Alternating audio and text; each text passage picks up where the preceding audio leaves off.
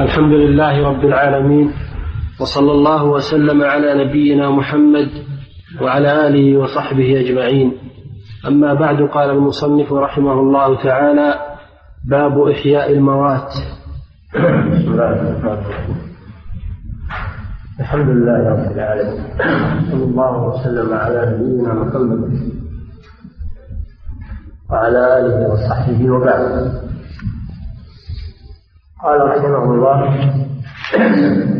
باب إحياء المواد. المواد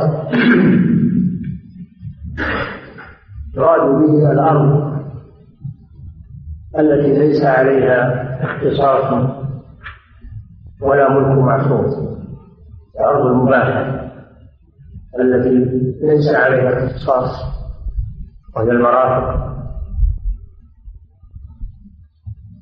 سواء كانت المرافق للأفراد أو لجماعات أو لبلاد فهذه ليست مواد هذه تسمى مرافق ولا يجوز لأحد أن يحييها. أو ملك معصوم. المعصوم المراد بمعصوم الدم من المسلم أو الكتابي. الذمي أو من المسلم أو الذمي.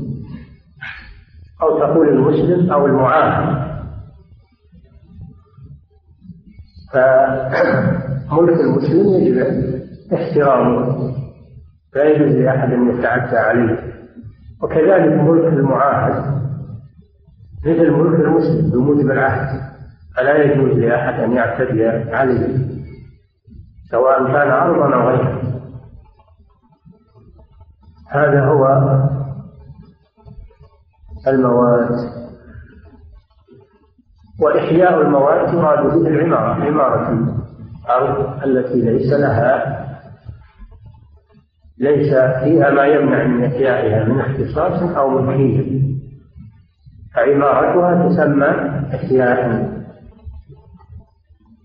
نعم.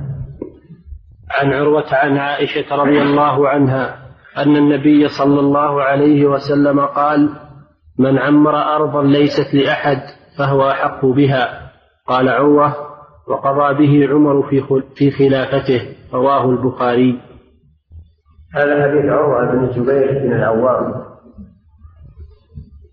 وهو من التابعين. قال حدثته حدثته عائشة خالته أم المؤمنين أن رسول الله صلى الله عليه وسلم قال من أحيا أرضا ميتة فهي له أو من عمر من عمر أرضا ميتة فهي له. هذا معنى أحياء الموت تعمير الأرض الميتة والميتة المراد هي من ليس لها مالك وليس عليها اختصاص أو اتفاق لأحد. فهي له يعني؟ فهو يتملكها بذلك بالإحياء. قال وقضى به عمر لأن عروة رحمه الله ولد في آخر خلافة عمر. ولكن أخبره الناس أن عمر قضى به في خلافته فدل على أن هذا الحكم غير منسوخ. وأيضا هو من سنة الرسول صلى الله عليه وسلم وسنة الخلفاء. دل على أن إحياء الموات أمر مشروع. وأنه باق إلى أن تقوم الساعة. ودل على أن من أحيا أرضا وعمرها فهي له بأي نوع من التعمير لأن الرسول صلى الله عليه وسلم لم يحدد التعمير فيرجع به إلى العرف. يرجع به إلى العرف وما عده الناس تعميرا ولكن سيأتي الأحاديث ذكر أنواع من التعمير كبناء الحائط وحفر البيت. والإقطاع سيأتي هذا. لكن هذه نماذج وليس حصرا للإحياء. بل الإحياء كلمة عامة يرجع فيه إلى ما عده الناس إحياء. نعم. وعن سعيد بن زيد رضي الله عنه عن النبي صلى الله عليه وسلم قال من أحيا صلى الله عليه وسلم من عمر أرضا دل على أن الأرض التي ليست مواتا أنه لا يجوز إحياؤها لأنها ملك. وكذلك الأرض التي هي ملك من مرافق البلد أو مرافق جماعة أو مرافق أفراد لا يجوز أن هذا اعتداء. نعم. وعن سعيد بن زيد رضي الله عنه عن النبي صلى الله عليه وسلم قال من أحيا أرضا ميتة فهي له. رواه الثلاثة وحسنه الترمذي وقال روي مرسلا وهو كما قال. واختلف في صحابيه فقيل جابر وقيل عائشة وقيل عبد الله بن عمر والراجح الأول. المرسل ما كان من رواية التابعي عن رسول الله صلى الله عليه وسلم. هذا هو المرسل. ما سقط منه الصحابي. واختلف في هذا الصحابي الذي لم يذكر على ثلاثة الأقوال وهذا لا يضر لأن جهالة جهالة اسم الصحابي لا يضر لأن الصحابة كلهم عدول رضي الله عنهم سواء كان هذا أو هذا لا يضر الاختلاف اسم الصحابي. من أحيا أرضا ميتة فهي له. من أحيا أرضا ميتة فهي له. حديث وإن كان فيه مقال لكن يعتقد بغيره من الأحاديث. وهو مثل حديث عروة الذي قبل. إلا أن العبارة اختلفت حديث عروة من عمر وهذا من أحيا. والمعنى واحد. يدل على ما دل عليه حديث عروة. أن من أحيا أرضا ميتة يعني ليست لأحد لا ملكا ولا اختصاصا فهي له يعني ملك له بموجب الإحياء ودل أيضا كما سبق على أن الأرض التي ليست مواتا لا تملك بالليل ومن أحياها فقد اعتدى على ملك الغير أو اختصاص الغير هذا ممنوع. نعم. وعن ابن عباس أن الصعب بن يثامة الليثي أخبره أن النبي صلى الله عليه وسلم قال لا حمى إلا لله ولرسوله رواه البخاري. لا حمى إلا لله ولرسوله. لا نافية ولكن معناها النهي. والحمى معناه منع الناس من الرعي. منع الناس من الرعي في أرض. لأن الناس شركاء كما يأتي شركاء في الكلى أو العشب فلا يجوز أن يمنعوا من الرعي من العشب الذي يكون في البر سواء كان يابسا أو كان رطبا بل هم شركاء في ذلك. فمن منع الناس من الرعي في أرض معينة ليست ملكا له فإنه لا يجوز له ذلك. لأن هذا خاص هذا الحكم خاص برسول الله صلى الله عليه وسلم فهو الذي يحمي. ومعناه أن الرسول صلى الله عليه وسلم منع الرعي في أرض لأجل إذن الصدقة. بمصالح المسلمين. قالوا ومثل الرسول صلى الله عليه وسلم أو يقوم مقام الرسول صلى الله عليه وسلم بهذا ولي أمر المسلمين. فإذا رأى المصلحة في حماية المرعى لأجل دواب بيت المال فله ذلك لأن هذا لمصلحة المسلمين. لأن هذا لمصلحة المسلمين. نفعه عام للمسلمين. فيجوز لولي الأمر أن يمنع على خلاف في ذلك لأن بعض العلماء يقول لا هذا خاص بالرسول صلى الله عليه وسلم. إلا لله ولرسوله. هذا خاص وهذا ظاهر الحديث. لكن بعض العلماء توسع وقال كذلك ولي الأمر إذا رأى المصلحة لأن الرسول صلى الله عليه وسلم ولي أمر. الرسول ولي أمر للمسلمين فمثله كل من قام مقامه في ولاية مصالح المسلمين فله أن يحيى من الرعي في جهة معشبة لأجل دوام الجهاد وإبل الصدقة لأن المصلحة في هذا ترجع إلى المسلمين. قد حمى النبي صلى الله عليه وسلم النقيع وهو مكان قريب من المدينة. سمى النقيع سمي بالنقيع لأنه ينقع فيه الماء ويتجمع فيه. وكل مكان يجتمع فيه الماء يسمى نقيعا. وينبت حوله العشب.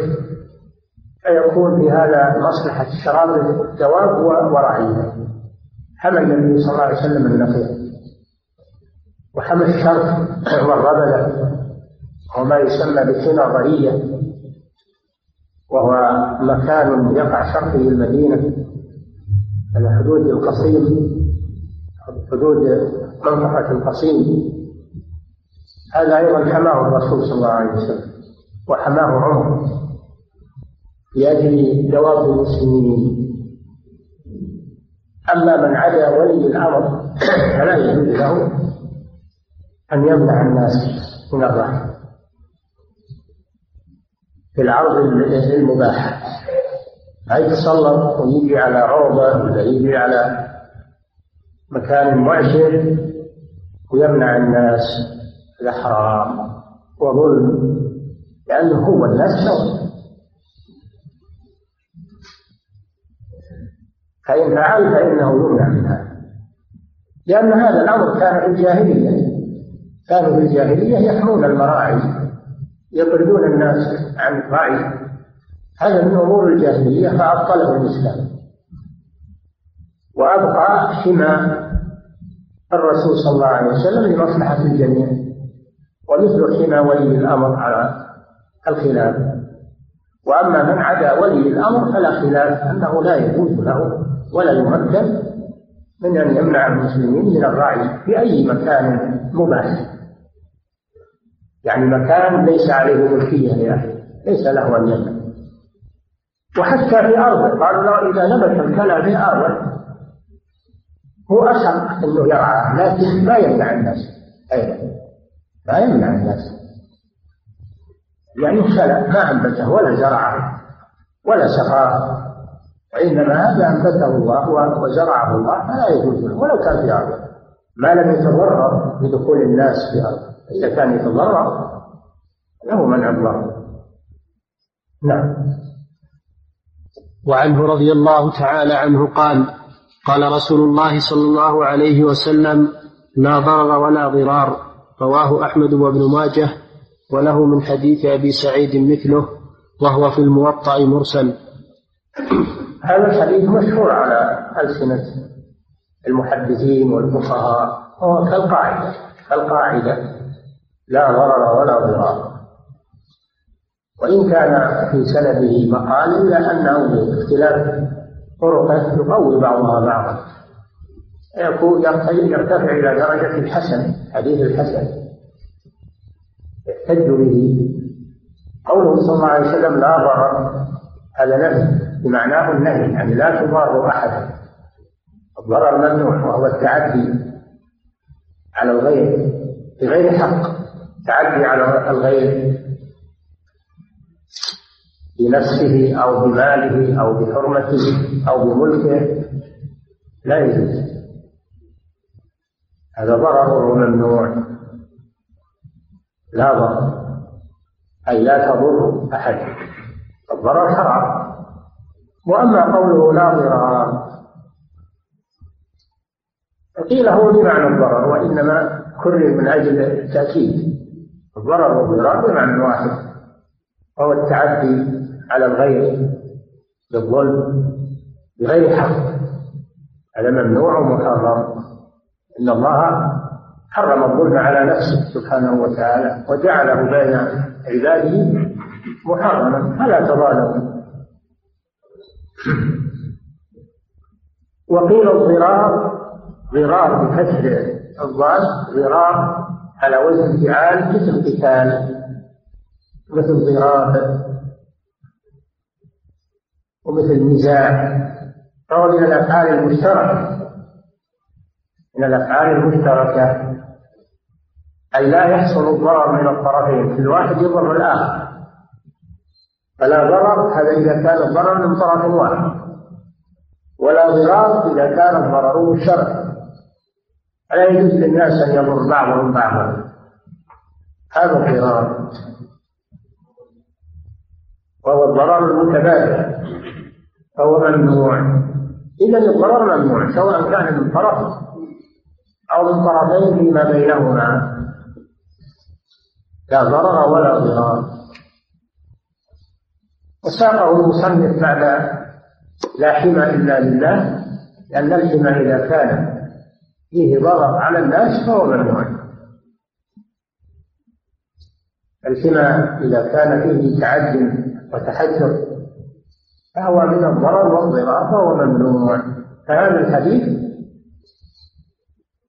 يؤيد الحديث الذي قبله لأنه لا يجوز الحمى إلا لولي الأمر من أجل مصلحة العامة مصلحة الرعي وما عداه فإنه يكون ضررا وضرارا فلا يجوز. نعم. وعن سمرة بن جندب رضي الله تعالى عنه قال قال رسول الله صلى الله عليه وسلم من أحاط حائطا على أرض فهي له. رواه أبو داود وصححه ابن جارود. هذا تفصيل للإحياء لأنه سبق من عمر أرضا ميتة فهو له وسبق من أحيا أرضا ميتة فهي له. وهذا الحديث فيه نوع من هذا الإحياء أو هذا التعميم وهو وهو بناء الجدار عليه. فمن حوط أرضا مواتا بحائط يمنع الدخول فيها فإنه يكون قد ملكها بذلك وأحياها. يكون ملكها بذلك وأحياها. سواء كان البناء من طين أو من سمنت أو من ما جرت العادة ببنائه في كل مكان لأن الأمكنة تختلف في مواد البناء.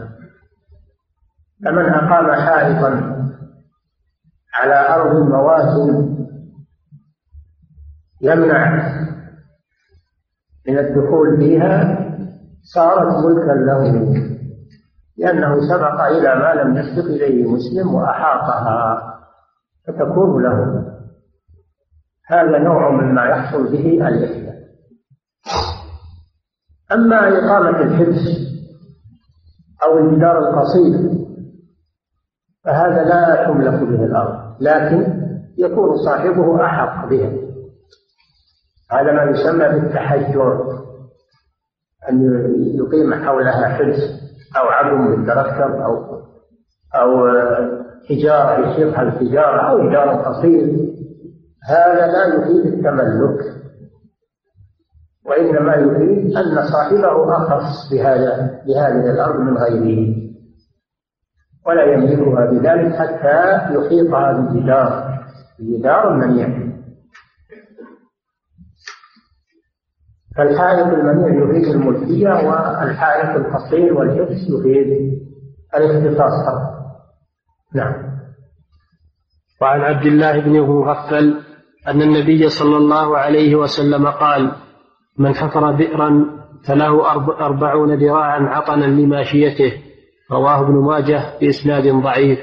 وهذا الحديث أيضا فيه نوع من أنواع إحياء المواد وهو أن يحفر فيها بئرا ويصل إلى الماء.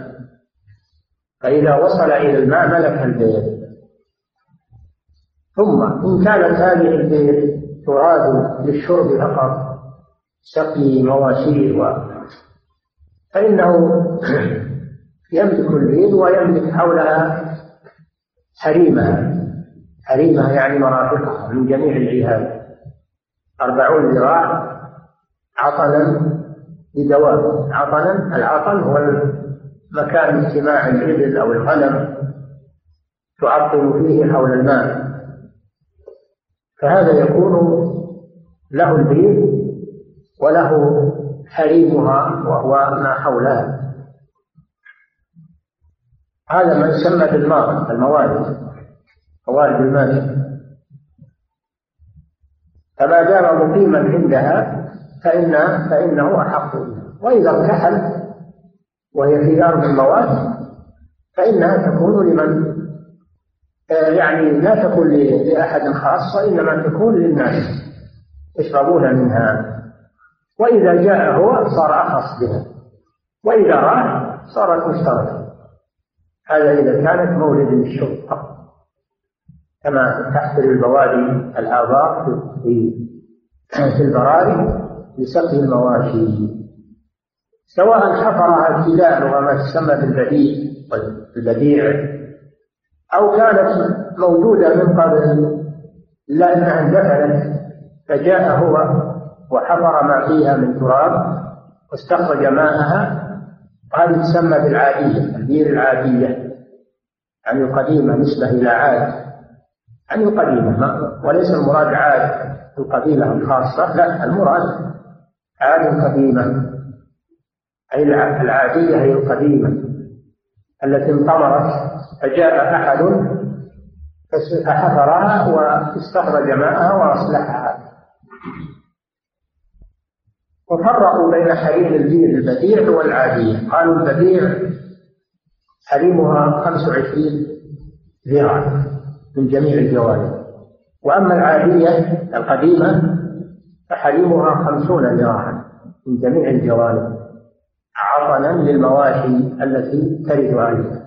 هذا إذا كانت البير التي حضرها للشرب فقط لسقي المواشي أو لسقي الناس شراب الناس. أما إذا كانت البير للزراعة إذا حفر بئرا للزراعة فإن له كل ما يحتاج إليه حولها من الأرض المواد كل ما يحتاج إليه حولها من الأرض المواد فإنه يملكه. وهذا يختلف باختلاف الأزمان.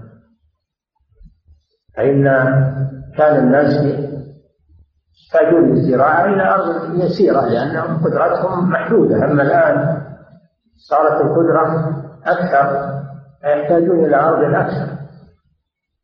يعطون من الأرض أو يمكنون من الأرض بقدر حاجتهم ويكون ملكا لهم. وما زاد عن ذلك يبقى للناس مشتركا. هذا إذا كانت البئر للزراعة. أما لو حفر بئرا ولم يصل إلى مائها هذه لا تفيد شيئا لا تفيد ملكا. لأنه لم يصل إلى الماء وتركها فهو وغيره سواء. نعم. وعن علقمة بن وائل عن أبيه أن النبي صلى الله عليه وسلم أقطعه أرضا بحضرموت رواه أبو داود والترمذي وصححه ابن حبان. علقمة بن وائل بن حجر. علقمة بن وائل بن حجر. ووائل بن حجر رضي الله عنه صحابي جليل من أهل حضرموت ومن ملوك من ملوك اليمن. أسلم وحسن إسلامه وأكرمه النبي صلى الله عليه وسلم ورفعه أرضا بحضرموت في بلاده عن بلاد حضرموت وهو من ملوكه. قطعه أرضا. هذا نوع ثالث مما من إحياء من إحياء المواد وهو الإقطاع. فإذا أقطع ولي الأمر أقطع ولي الأمر شخصا من الأرض المواد فهذا الإقطاع ماضي وجائز لكن لا يملك به الأرض وإنما يفيده الاختصاص فيكون أخص من غيره. فإن عمرها ببناء أو بحفر بيت أو غرس أو زراعة ملكه وأما أن بقي الإقطاع فقط بدون النهي يحدث فيها تعميم فإنه لا يملك فإذا لم يحييها نزعت منه وأعطيت لغيره ينزعها ولي الأمر ويعطيها لغيره فالإقطاع إنما يريد الاختصاص فقط. فإن أحياها صارت له. وإن لم يحييها فإنها تؤخذ منه وتعطى لغيره ممن يحييها. هذا ما يفيده إقطاع ولي الأمر. يفيد اختصاصا ولا يفيد تملكا. نعم. وعن ابن عمر رضي الله عنهما أن النبي صلى الله عليه وسلم أقطع الزبير حضر فرسه فأجرى الفرس حتى قام ثم رمى بصوته فقال أعطوه حيث بلغ الصوت رواه أبو داود وفيه ضعف.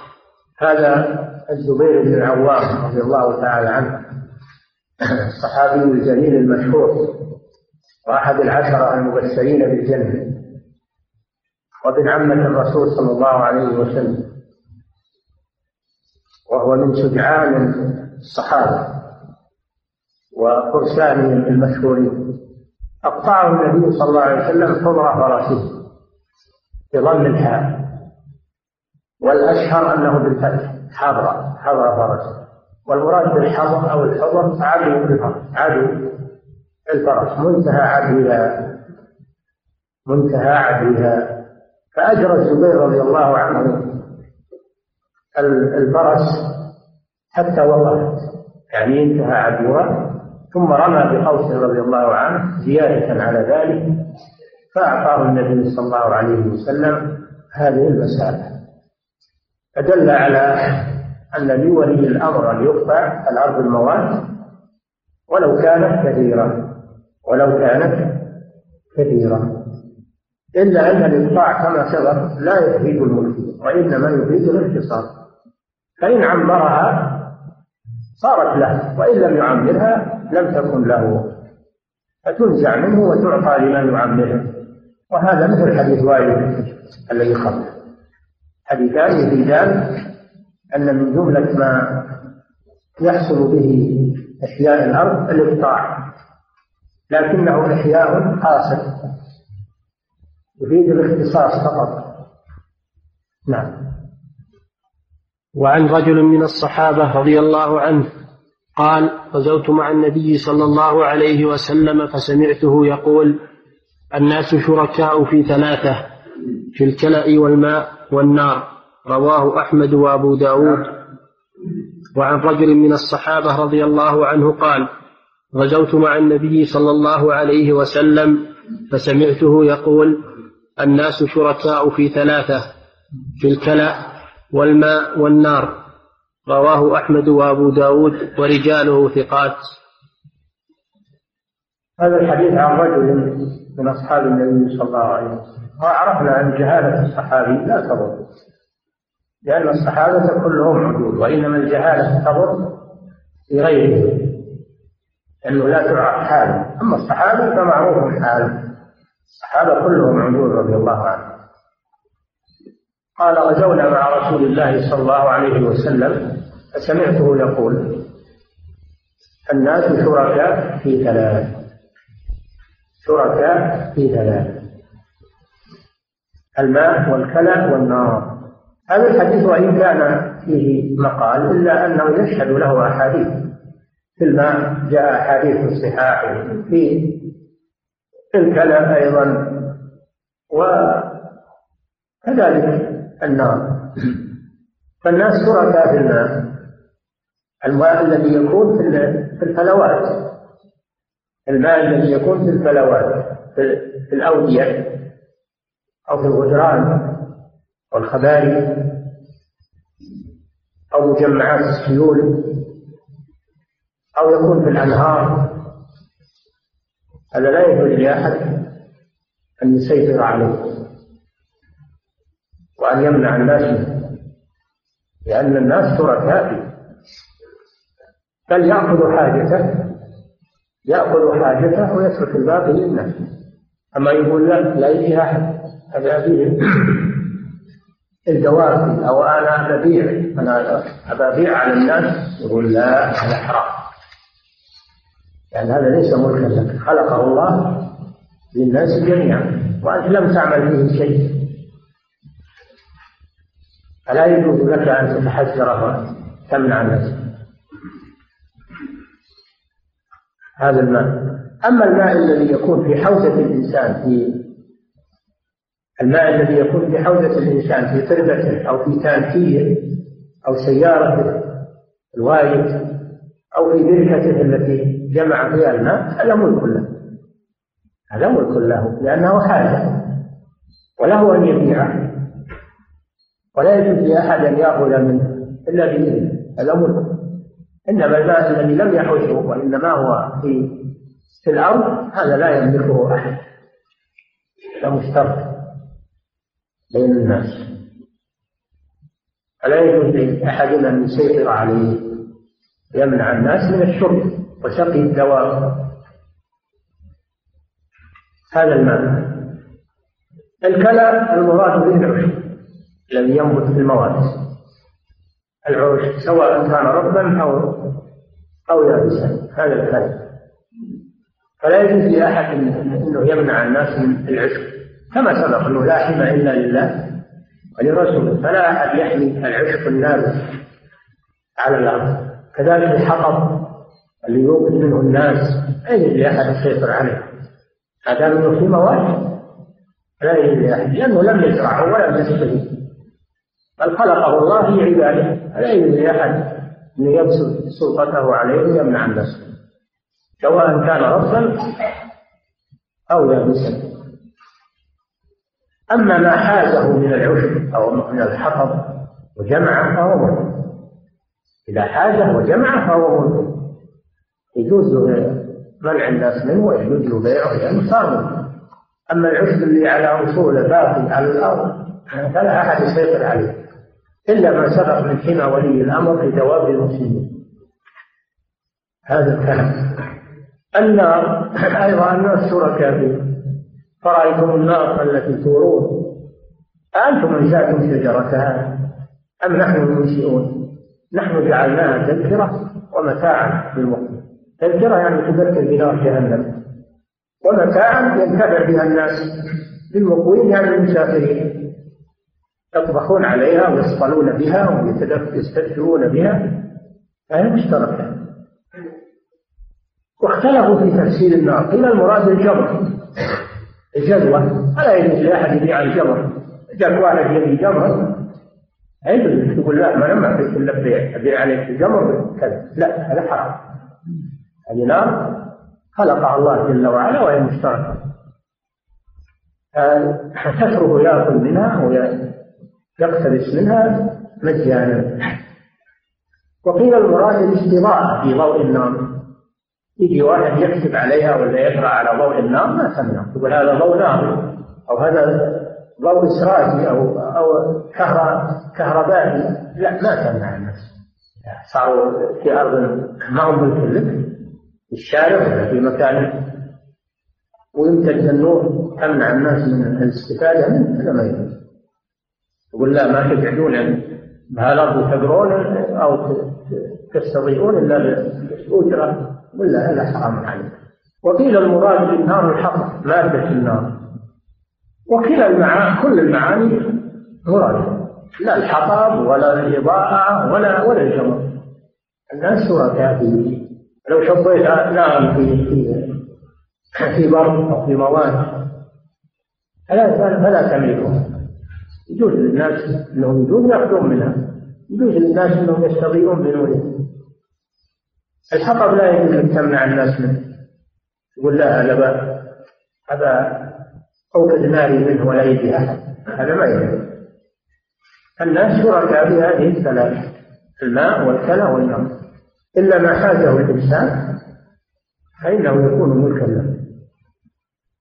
وفي هذا رد على الشيوعية اللي يقول أن الناس شركاء بكل شيء ولا أحد يملك يمنعون الملكيه الفرديه يقولون ما في ملك إلا للدولة.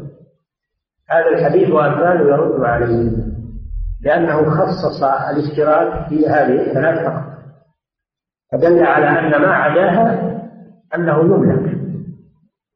من الدراهم ومن الأقمشة ومن سائر الأموال يملك بالبيع والشراء والهبة والدين وغير ذلك. نعم. باب الوقت. صلى الله عليه وسلم خصص الاشتراك بهذه المواد الثلاث. دل على أن ما عداها أنه يملك للتملك ولا يجوز الاعتداء على أحد فيه. نعم. باب الوقف الله تعالى أعلم وصلى الله وسلم على نبينا محمد وعلى آله وصحبه أجمعين. فضيلة الشيخ حديث لا ضرر ولا ضرار. قلتم إن فيه مقال كيف يكون فيه مقال؟ وقد رواه الإمام أحمد وهو من المحدثين وابن ماجه. أرجو إيضاح ذلك. الرحمن وابن ماجه وأصحاب السنن لم يلتزموا به. أنهم ما يكتبون في مؤلفاتهم إلا الصحيح. ما التزموا هذا؟ مثل البخاري ومسلم وابن خزيمة وابن حبان لم يلتزموا بل هم يوردون في في مؤلفاتهم الحديث الصحيح والحسن والضعيف. أما الموضوع لا ما يريدون الموضوع. ويذكرون السند يذكرون السند من أوله إلى آخره. لأجل يعرف الناس هذا السند ومن فيه من الرواة. ويعرفون حكمه من سياقه من سنده يكون ضعيف ولو رواه الإمام أحمد قد يكون ضعيف ولو رواه الإمام أحمد ولو رواه ابن ماجه. لأن من عدا أصحاب الصحاح لم يلتزموا أن لا يخرجوا إلا الصحيح بل يكتبون بذكر السند. يكتبون بذكر السند. والعلماء يعرفون سند هذا الحديث. هل هو صحيح أو ما هو صحيح؟ نعم. فضيلة الشيخ هل يجوز للقبائل حيازة الماء ومنع الناس منه إذا حلوا حوله؟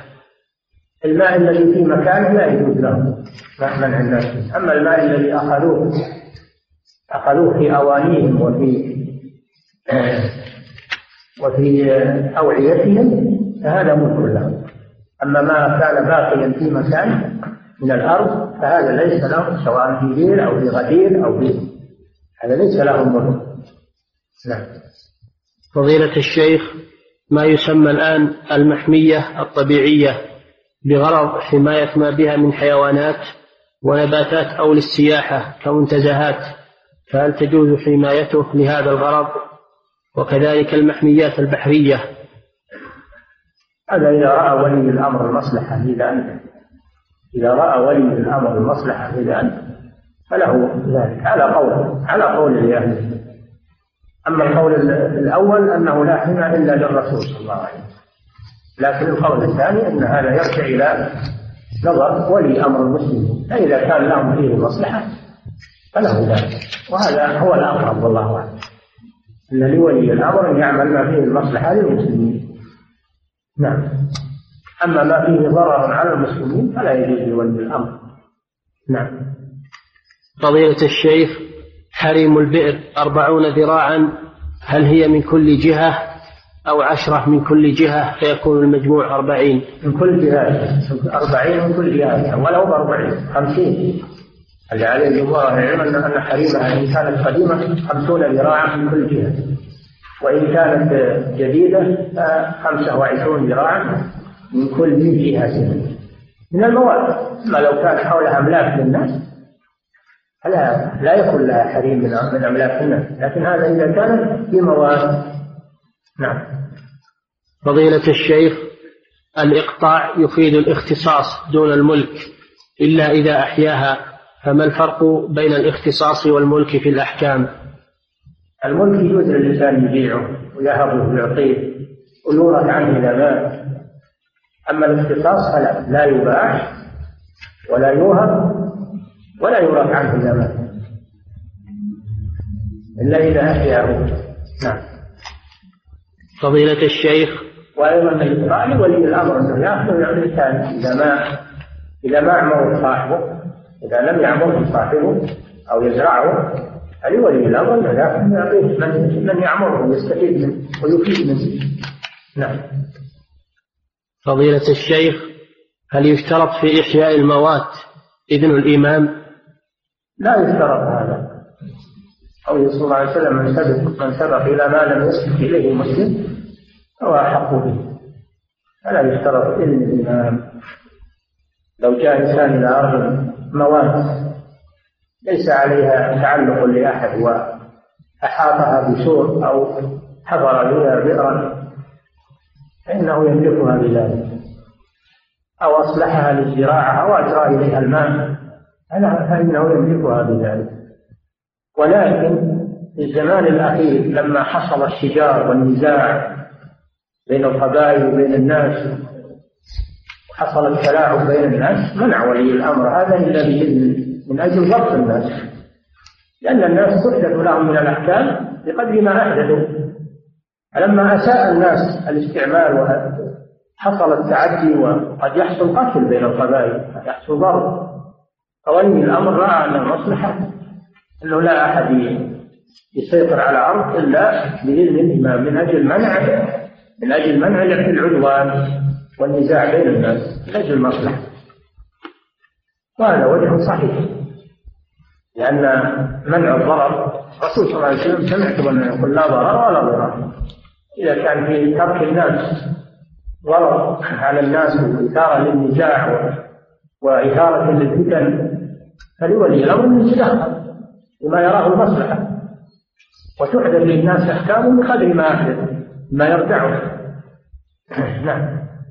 فضيلة الشيخ لو أن شخصا أحاط أرضا بشبك فقط ولكنه لم يحييها بشيء فهل يكون ذلك إحياء لها؟ لا.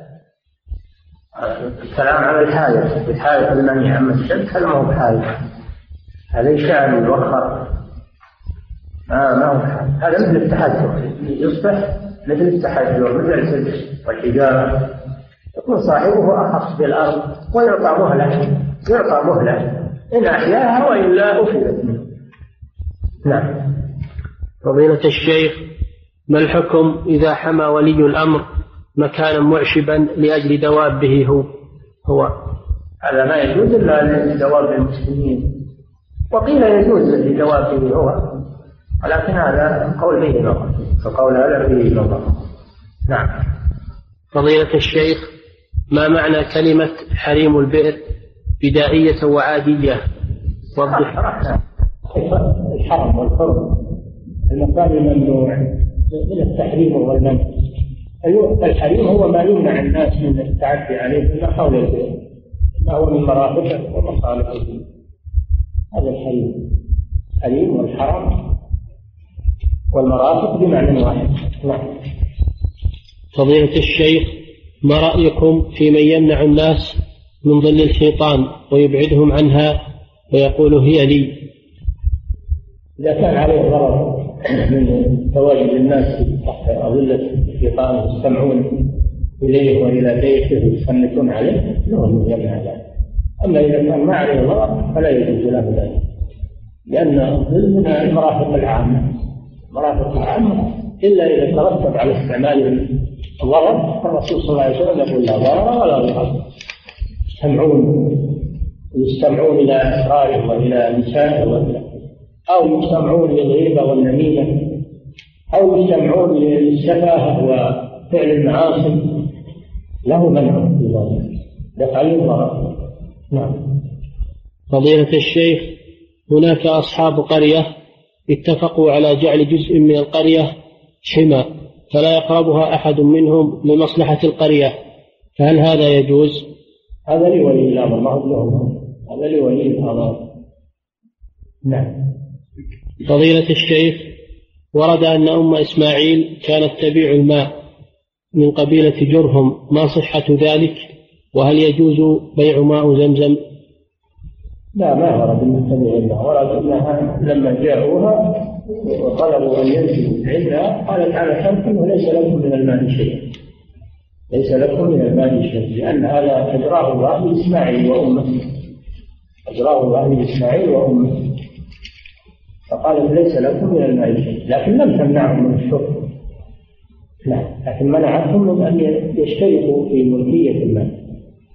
نعم فضيلة الشيخ هل يجوز للرجل حفر بئر ماء ثم استخراج هذا الماء وبيعه على الناس وهو ما يسمى بالشيب؟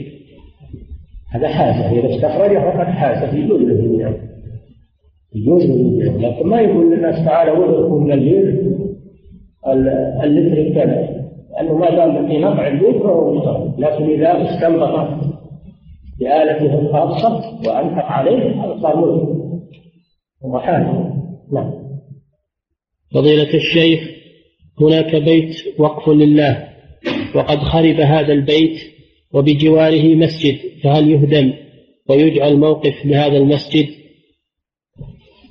مسألة الأوقاف يرجع فيها إلى المحاكم تنظر فيها وتتحقق من وضعها ما تصلح فيها فتوى يرجع فيها إلى المحكمة الشرعية. تنظر فيها تنظر حقيقة الواقع وتقرر ما تراه مصلحة. نعم. فضيلة الشيخ إنسان صلى العصر وبعد الصلاة تذكر أنه لم يمسح رأسه وهذا أكيد وليس بشك فماذا يفعل؟ إذا أنه ما مسح رأسه يعيد الوضوء ويعيد الصلاة. أما إذا كان مجرد شك بعد الصلاة فلا يعيد. إذا كان مجرد شك بعد الصلاة حتى بعد الوضوء إذا فرغ من الوضوء وشك هل مسح رأسه ولا لا يقول لا الشك هذا ما وقع بعد العبادة. أما إذا كان متيقن أنه ما مسح رأسه يعيد الوضوء ويعيد الصلاة. نعم. فضيلة الشيخ هناك سوق لا يدخله أحد حتى يقص كرت بمبلغ وهذا الكرت يستفيد منه حيث أن حامله يخفض له وهذا الكرت له مدة ثم ينتهي فما حكمه؟ لا حكمه. هذا من التلاعب. للزبائن فلا فلا يظهر لي جواز مثل هذا لا يظهر لي جواز مثل هذا هذا لم يسببه بضع فيه من ثمن التخفيض بالكرت خادعين من هذا الشخص. ينزل لك. وما هو ما يقابل التنزيل ثمن هذا الكرت معه. يلعبون على الناس هذا من التغيير في الناس نعم. فضيلة الشيخ هل يضر الشك بعد انتهاء العبادة؟ كمن شك في عدد الطواف.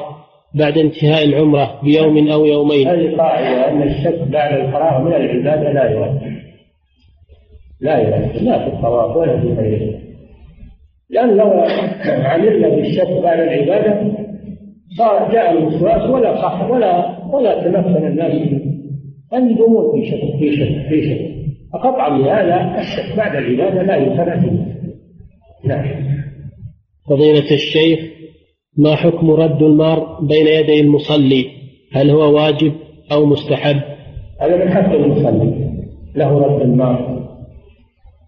آه، من حق المصلي انه ما يدع أحد يمر بين يديه إلا إذا كان في الحرم المسجد الحرام أو في الجوامع المزدحمة. الضرر يقتضي انه نسمح بالمرور أما إذا كان في مكان ليس فيه زحمة فلا فلا يمنع المار بين يديه. ويحرم على الإنسان انه يمر بين مصل وسترته أو بين مصل ودون ثلاثة أذرع من قدميه إذا لم يكن له ستر حرام على المرء. وللمصلي أن يمنع. إلا إذا كان في المواطن المزدحمة والضيق والضنك مثل الحرمين مثل الجوامع الكبار فلا يمنع المارة لأجل الضرر نعم. فضيلة الشيخ والقاعدة الشرعية أنه إذا اشتد الأمر كل ما اشتد الأمر سهل. يعني فلا يجوز منع الناس حجوكم لم تتفرغوا من صلاتك في الحرم مثل ما يفعل بعض الإخوان. هذا هذا غلط. هذا غلط. ولو منعت واحد ما ما تمنع 10 20 100 منفعين الناس. خلهم يمروا نعم. فضيلة الشيخ قال تعالى وقال الرسول يا رب إن قوم اتخذوا هذا القرآن مهجورا فهل يدخل تحت هذه الآية من عنده عدة مصاحف في منزله ولا يقرأ إلا في واحد والباقي لا يقرأ فيه؟ هذا ما يقرأ. الهجر أنواع. هجر تلاوة ما يقرأ القرآن. هذا هجر. وكان ما يقرأ القرآن. لا من المصحف ولا من ظهر الخلف قد هجر القرآن.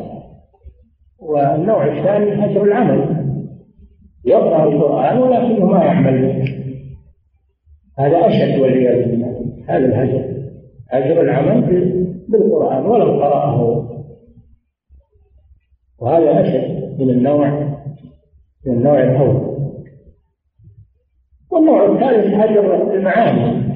يقرأ القرآن مجرد قراءة ولا يتذكر المعاني ولا ولا يقرأ تفسير الآية إذا أراد يعرف معناها مجرد قراءة الحروف هذا هجر للمعنى. الهجر قد يكون هجر للتلاوة قد يكون هجرا لمعنى القرآن ولا يتعرف عليه قد يكون هجر للعمل بالقرآن وهذا أشد. نعم. فضيلة الشيخ جاء في الحديث جواز الكذب على الزوجة. فهل يجوز الحلف بالله للزوجة كاذبا عليها؟ الكذب على الزوجة مو على للمصلحة. إذا كان لذلك مصلحة لحسن العشرة بينهم.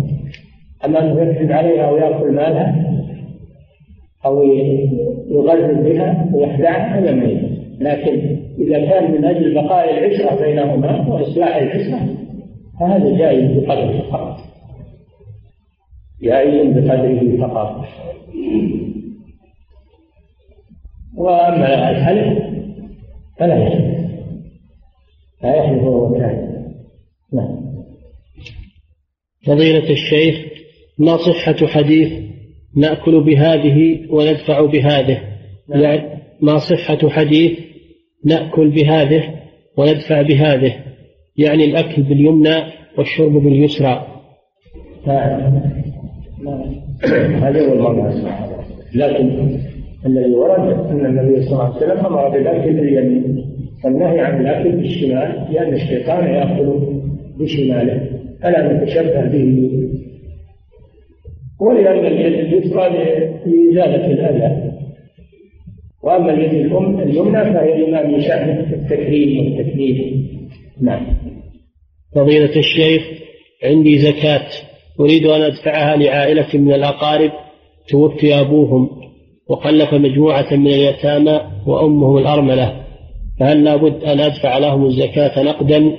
أم يجوز لي أن أشتري بها شيئا عينيا لأنهم قد لا يحسنون التصرف في الزكاة لو كان نقدا؟ ادفع الزكاة لوكيل الوكيل الذي لا بد لهم وكيل. أدفع الزكاة لوكيلهم وهو يصرفها في مصالحهم نعم.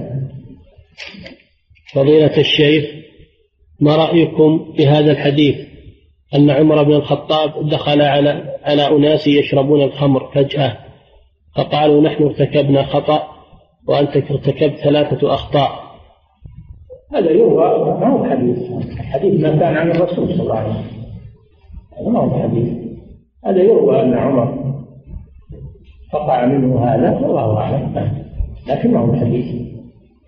نعم.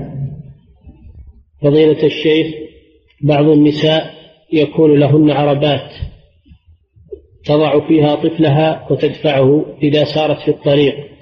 فهل هذا من التشبه؟ لا من التشبه. هذا حمل تحمل طفلها إن شاء على كتفها وإن شاءت العربات. مثل ممنوع وهذا من الأشياء المشتركة ما هو خاص بالكفار هذا من الأشياء المشتركة. أجل نترك السيارات نقول هذه عربات خاصة بالكفار نترك العربيات اللي يحطها الأمتعة نقول هذه خاصة بالكفار.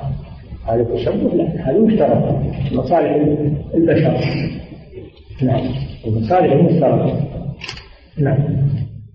فضيلة الشيخ لو أن شخصا أقطع أرضا أو سبق إليها فهو أحق بها لكن هل يجوز له بيعها أم لا؟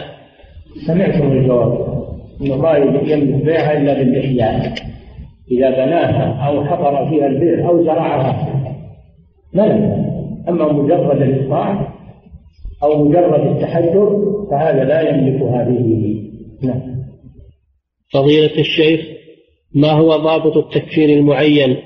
وهل الطائف على القبور والأضرحة يكفر بعينه علما بأنهم نشأوا في مجتمع يجيز ذلك؟ من قال الكفر أو عمل بالكفر أو الشرك فإنه له ويعد مشرك. والجاهل هو الذي لم يسمع بشيء. نشأ في بلاد لم يصل إليها شيء. ولم يسمع القرآن ولم يسمع الأحاديث ولم يسمع كلام أهل العلم. منقطع عن العالم. هذا هو الذي يعير بالجهل أما إنسان يعيش في بلاد المسلمين يسمع القرآن ويسمع الأحاديث ويسمع كلام العلماء هذا لا لا يعلم بالجهل. نعم. فضيلة الشيخ إذا كنت خلف إمام في صلاة سرية وقبل ركوعه شككت هل قرأت الفاتحة أم لا؟ فترددت حتى ركع الإمام فماذا يلزمني؟ ما يلزم شيء. وقراءة الإمام للفاتحة تكفي عنه وعن المأمومين والحمد لله. لكن إذا قرأها المأموم هذا أفضل وأكمل. وإذا لم يقرأها تكفي قراءة الإمام. هذا هو الصحيح الذي لا يسع الناس غيره نعم. جاء أبو بكر والرسول صلى الله عليه وسلم بالركوع. وركع معه واعتد بالركعة. ولم يأمره النبي صلى الله عليه وسلم بالإتيان بالركعة وهو لم يقرأ الفاتحة نعم. فضيلة الشيخ سائق سيارة أجرة عندما وصل إلى الميقات نوى العمرة وعند وصوله إلى أمن الطرق رفضوا دخوله بالسيارة إلا لغير المحرم وبعد طول كلام خلع الإزار والرداء وأوصل الركاب ولم يأتي بالعمرة. وكأن شيئا لم يكن لجهله والسؤال ماذا يترتب عليه الآن؟ وهذا يمكن يعد من يعد من المحصنين لا منعه قد أحسن يتحلل من المسلم بسبب الإحصار لكن عليه يذبح سته يذبح سته فإن أحسنتم فما استيسر من الهدي. الرسول صلى الله عليه وسلم لما منعه المشركون عام الحديبية من العمرة نحر هديه في الحديبية وتحلل من إحرامه عليه الصلاة والسلام. هذا يعتبر نعم. وإن وإن عاد ملابس الإحرام عليه وفدى فدية وأتى بالعمرة من أحسن. إذا وصل تعدى المكان المنع وأعاد ملابس الإحرام ودخل وأدى العمرة هذا أحسن له وأبرى للإيمان نعم. يفدي يفدي فدية الأذى يفدي فدية الأذى يخير فيها بين إطعام ستة مساكين أو ذبح شاة أو صيام. ثلاثة أيام نعم. فضيلة الشيخ ما شرح الحديث الذي معناه إذا رأى الناس المنكر ولم ينكروه يوشك أن يعمهم الله بعذاب؟ نعم. هذا صحيح يوافق الآية. كما قوله تعالى وسألهم عن القرية التي كانت هذا في البحر الذين اعتدوا في السبت ونصحهم علماؤهم وفريق من العلماء سكتوا فقالوا لم تعظون قوما إله مهلكهم أو معذبهم فلما جاء العذاب لم ينجو إلا من أنكر منه أنجينا الذين ينهون عن السوء. فدل على أن من لا ينكر المنكر ولو بقلبه أنه يدخل في العذاب. نعم. فضيلة الشيخ هل يجوز أن نقول على شخص كافر إنه ملعون؟ هذا محل خلاف. المعين محل خلاف. لعن المعين محل خلاف لأن لا تدري ماذا يحكم له قد يسلم قد يتوب وإنما يلعن على العموم. لعنة الله على الكاذبين لعنة الله على الكافرين لعنة الله على الظالمين. على العموم هذا محل إجماع. أما اللعن المعين هذا محل خلاف. والأحسن للمسلم أنه ما يعود لسانه اللعن ما يعود لسانه اللعن ليس المسلم للطعام ولا اللعان ولا الفاحش ولا البذيء. نعم. فضيلة صلاة المرأة في البنطلون؟ نعم. فضيلة الشيخ ما حكم صلاة المرأة في البنطلون إذا وضعت عليه الجلال؟ لا يجوز للمرأة تلبس البنطلون لا في الصلاة ولا في غيرها لأن البنطلون تبين أعضاءها ومفاتنها وليس هو من لباس نساء المسلمين في هذه البلاد. من لبسته فقد لبست ثوب شهرة. ثوب فتنة. لا يجوز لها ذلك لكن الصلاة صحيحة لأن عورتها مستورة. صلاتها صحيحة لكن مع الإثم تأثم على لبس نعم. فضيلة الشيخ أحاديث أبي بكرة يشكك بها بعض الكتاب لأنه لم يتب من قذف المغيرة فما الرد على هذه يشكك بها بعض الكتاب. ما شكك بها العلماء؟ العلماء ما شككوا فيها وإنما شكك فيها بعض الكتاب والكتاب أكثرهم جهلة. لا عبرة به نعم. فضيلة الشيخ هل مرور المرأة بين يدي المصلي في الحرم يقطع الصلاة؟ لا. الحرام ضرورة ما تقطع الصلاة وجود النساء أمام الرجال. هذا له ضرورة. وقت الزحام وقت الشدة أن تمكنون الناس. وكل ما كل ما ضاق الأمر اتسع ولله الحمد. وما جعل عليكم في الدين من حرج. نعم. فضيلة الشيخ أرجو بيان الحكم في هذه المعاملة وهي أن بعض المحلات التجارية تخفض سعر السلعة إذا أحضرت عشرة غلافات من بضاعة معينة مثلا مع العلم أن هذا المحل لا يبيع هذه السلعة. هذا من التلاعب في البيع والشراء ومن الإغراء في بيع سلعهم لأن إحضارك للغلافات دليل على الاستهلاك وأن سلعهم ماشي وتشرب. هذا من التلاعب ومن العبث نعم. فضيلة الشيخ. الإنسان لا يدخل هذا المكان ولا يدخل في هذا العبث نعم. فضيلة الشيخ هل المتمتع له طواف بعد طواف العمرة؟ والسعي في اليوم الثامن قبل الخروج إلى منى. المتمتع نعم. له. طواف بعد طواف العمرة لا. والسعي. لا المتمتع يحرم بالحج يوم التروية من منزله ويذهب إلى منى. ولا يروح ولا يروح البيت لأن هذا الشيء لم يعمله صحابة رسول الله صلى الله عليه وسلم الذين كانوا معه وحلوا من عمرتهم أمرهم أن يحرموا من الأرض وذهبوا معه صلى الله عليه وسلم إلى منى ولا قال لهم روحوا طوفوا للبيت قبل الخروج إلى منى. نعم. فضيلة الشيخ امرأة مصابة بمرض عضال وأخبرها الطبيب المختص بضرر. وصعوبة حملها بعد سن الأربعين فهل يجوز لها أن تأخذ حبوبا منشطة لتحمل توأما؟ لأن سنها الآن توأما. توأما.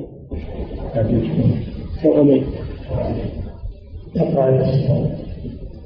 امرأة مصابة بمرض عضال وأخبرها الطبيب المختص بضرر وصعوبة حملها بعد سن الأربعين. فهل يجوز لها أن تأخذ حبوبا منشطة لتحمل توأمين؟ لأن سنها الآن قريب من الأربعين. الحين يضرها الحمل تأخذ حبوب تحمل طفلين ويضرها الطفل الواحد السؤال.